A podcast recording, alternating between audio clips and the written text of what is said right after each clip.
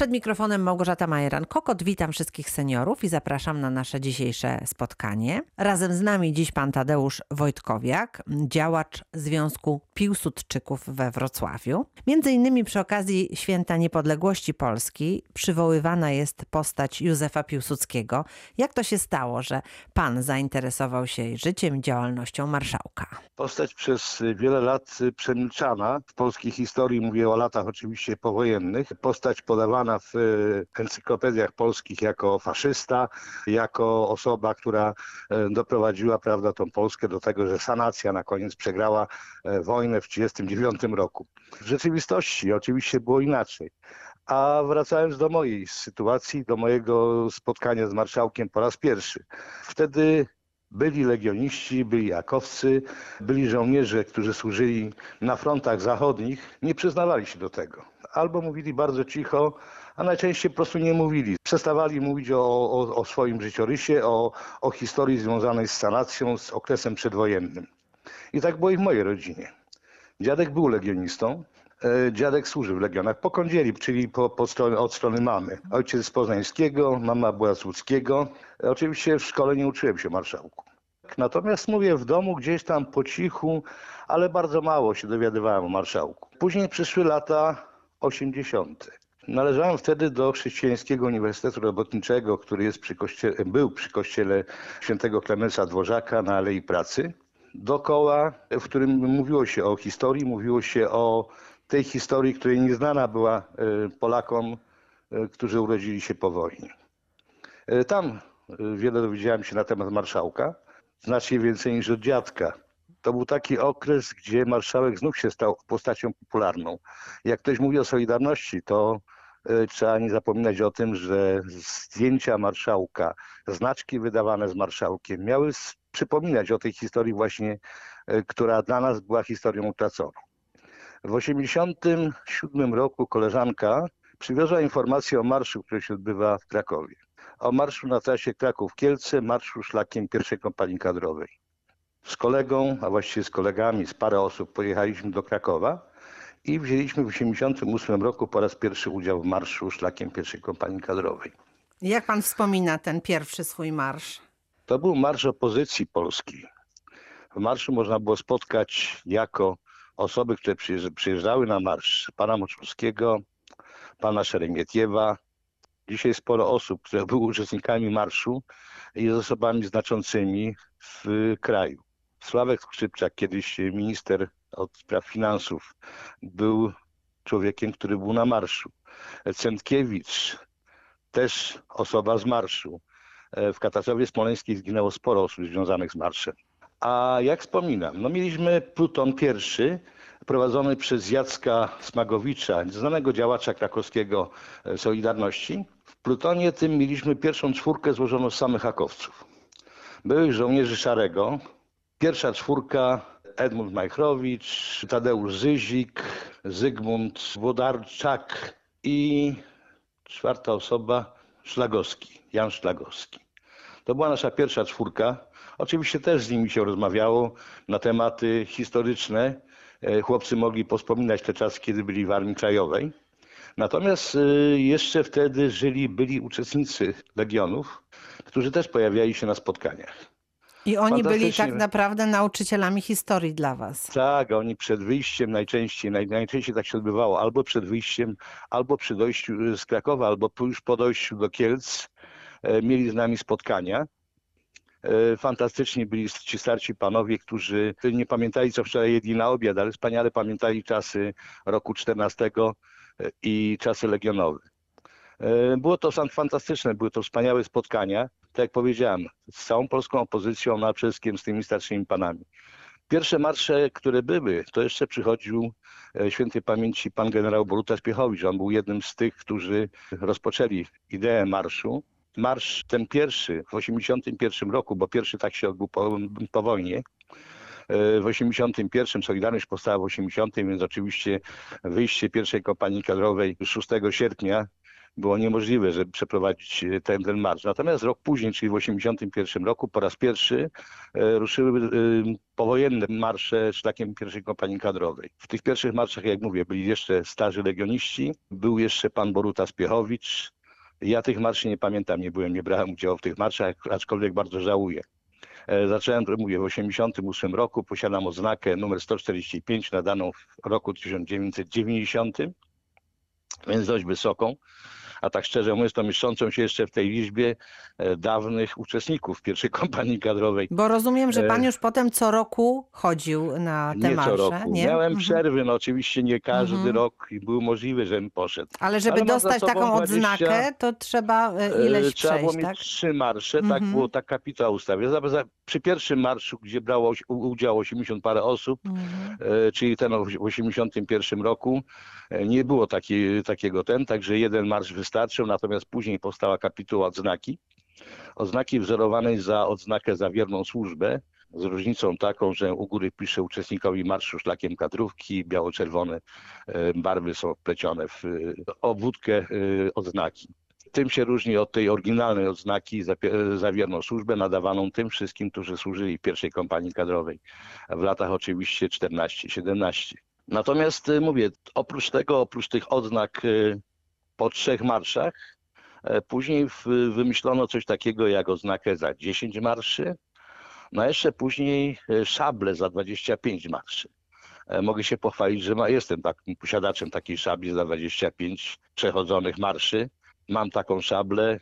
Koledzy, którzy razem ze mną zaczynali, też jeden z nich otrzymał taką szablę. Niestety większość z tych ludzi, którzy wtedy zaczynali w 88 roku już poszła do Pana. Natomiast y, chodzę, chodzę ja, y, chodziły moje dzieci. No właśnie, jak się panu udało w to zaangażować rodzinę, bo to Na e, pierwszym tutaj już marszu, taka rodzinna tradycja się zrobiła. na pierwszym marszu był najstarszy syn. Syn się urodził w 72 roku, ale on skończył na dwóch marszach, także nie jest posiadaczem odznaki. Natomiast trzech pozostałych synów wszyscy zostali posiadaczami odznak. Drugi syn z 74, trzeci z 79, no i czwarty z 91. Natomiast najstarszego syna, syn, czyli mój wnuk, e, wziął też parę razy udział w marszu, też ma odznakę. No a teraz chodzi o tego najmłodszego syna z 91 roku. E, Chodzi jego syn, dwa razy brał już udział w marszu.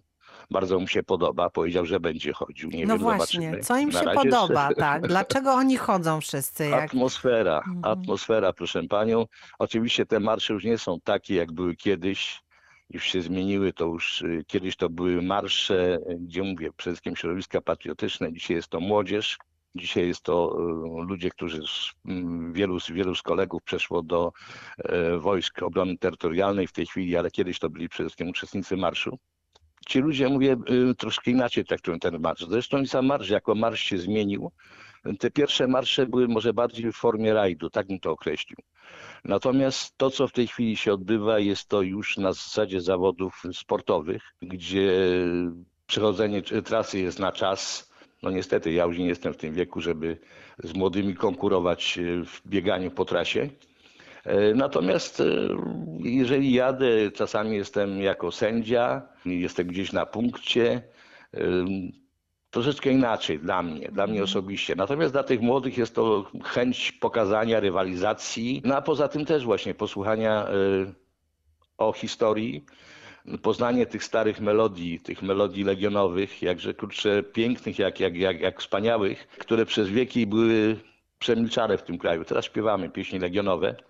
Cieszę się, że do tego doszło. No a jeszcze mogę się pochwalić tym, że z kolegami e, zaczęliśmy pracować na e, kopcu niepodległości, mogile mogił, czyli kopcu imienia marszałka Józefa Piłsudskiego, bo tak, takie są trzy nazwy obowiązujące, a właściwie cztery, bo to kopiec na Sowińcu, mogiła mogił, kopiec niepodległości i kopiec Józefa Piłsudskiego.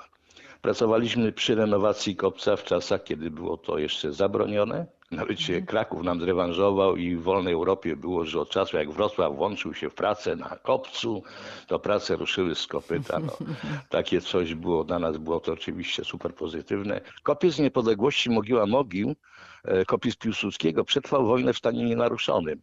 Na szczycie kopca była umieszczona granitowa płyta w formie krzyża legionowego, E, Ta płyta została po wojnie polskim czołgiem ściągnięta na dół.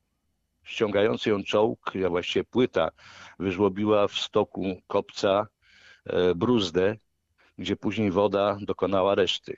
Natomiast kopiec miał zniknąć z widoku Krakowa. On kiedyś był doskonale widoczny, został obsadzony brzozami, krzakami, wtłoczył się w otoczenie, nie był widoczny. Komu nie chodziło o to, żeby ten kopiec po prostu przestał funkcjonować jako symbol II Rzeczypospolitej.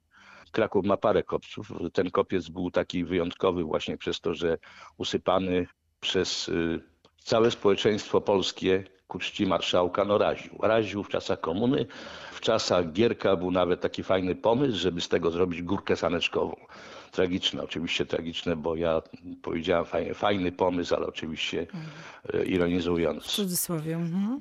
No Tak, natomiast mówię, prace przy kopcu w zasadzie zaczęły się ponownie w roku 81. To, kiedy my zaczęliśmy pracować w 88, oczywiście te prace były takie na początku bardzo, bardzo mizerne, krótko trwały, później przed stan wojenny, więc oczywiście nie można było pracować. A jak zaczęliśmy przyjeżdżać na, na, na, kopiec w 88 roku, to też panowie z SB przyjeżdżali, kurczę, a po co, a na co, a kto wam pozwolił, a skąd zezwolenie. E, Tu duża pomoc była dyrektora ZOO krakowskiego, który wspierał nas trochę w tej akcji, bo w zasadzie za jego zgodą mogliśmy przybywać y, na kopcu i mogliśmy tam pracować. Na czym polegały? Na układaniu ponownie y, stoków kopca, na usuwaniu tego zawaliszka, które powstało w wyniku działań wody i komunistycznego czołgu, czyli układanie tak po kolei warstw bo kopiec jest skład prawie tak jak tort. E, Warstwa ziemi, warstwa darni, warstwa faszyny, warstwa ziemi, warstwa darni, warstwa faszyny i tak to jest na tym. Taczuszka i taczuszką kurczę wwożenie to na, na górę, układanie ponownie i tak dalej, i tak dalej. Stopniowe likwidowanie tego zawaliska i uzupełnianie stoków na tym. I kiedy to się zakończyło? Kopiec został odbudowany jeszcze na początku lat y, 90. Była, było zakończenie prac, ale zaraz później była powódź w 97 roku. We Wrocławiu była powódź, w Krakowie popłynęły dwa kopce. Popłynął kopiec z Kościuszki i również kopiec y, Marszałka. Po prostu woda udarła się, no, była trawa mocno przystrzyżona i na- nasiąknięta ziemia ponownie się osunęła. A później, Mhm. a później dalej pracowali już, znaczy inaczej. Kopiec w tej chwili jest pamiątką narodową pod ochroną Sejmu i Senatu, pod patronatem Sejmu i Senatu, więc znalazły się pieniądze i prace później były dokonywane już w trochę inny sposób. Było to zabezpieczane gołowebem, e, czyli taką włókniną, coś na, na, na wzór e, lotnisk amerykańskich e, w czasie pustynnej burzy. Więc wierzymy w to, że ten kopiec już się nie osunie, że nie, nie zjedzie nic na dół, nie spłynie ziemia. E, Zresztą jest odwodnienie porobione. Wydaje się, to jest w tej chwili takie, że to będzie przetrwa wieki. Mhm. I- Powiedział pan e, dzisiaj, że na tym e, marszu bardzo wiele jest młodych ludzi. To chyba dobrze, prawda? Bo to chodzi o to, żeby młodym przekazać tę Przede, prawdę. przede wszystkim o to chodzi, oczywiście, że tak. Oczywiście, że o to chodzi i powiem pani, że zaskoczony jestem postawą młodych ludzi, którzy przychodzą na marsz. Wiele mówimy o tym, że te, te, społeczeństwo, ta młodzież zła, niedobra i tak dalej, i tak dalej. Tymczasem okazuje się, że na marszu są wspaniali ludzie, młodzi ludzie, ludzie, którzy znają historię, no mają okazję w tej chwili, to nie jest to, co dawniej, że trzeba gdzieś było ukradkiem się uczyć tej historii. Mają tę historię w tej chwili w szkołach, ale rzeczywiście ci ludzie przyjeżdżają i łapią ten bakcyl zwany marszem. E, Jesteśmy ludźmi, którym idee marszałka są bliskie. Ludźmi, którzy mm, coś w swoim życiu na rzecz niepodległości marszałka zrobili. Ludźmi, którzy kiedyś mieli w rodzinach, powiedzmy, legionistów. Jest to taka organizacja i rzeczywiście staramy się przypominać historię. E, Jesteśmy współorganizatorami, a kiedyś organizatorami e, Marszu Styczniowego w Wrocławiu, znaczy marszu, źle mówię, mszy i przemarszu pod Uniwersytet Wrocławski, gdzie jest tablica poświęcona wrocławianom, którzy ruszyli w bój powstania styczniowego. Kiedyś organizowaliśmy mszę e, po odejściu byłych żołnierzy Andersa, mszę za Monte Cassino. W tej chwili robi to szkoła e, imieniem generała Władysława Andersa. Co roku robimy mszę w intencji odzyskania niepodległości, czyli 11 listopada. Co roku ta uroczystość odbywa się w ten sposób, że jest msza w, w kościele świętego Klemensa Dworzaka przy Alei Pracy, a później w formie procesji idziemy na cmentarz żołnierzy polskich i tam zapalamy znicze, jest zrobiony apel pamięci, odśpiewanie pierwszej brygady, zapalenie zniczy i złożenie kwiatów na grobach tych, którzy przyczynili się do odzyskania niepodległości, na grobach polskich żołnierzy, bo to chyba im 11 listopada jest poświęcony. Bardzo dziękuję za tę lekcję historii.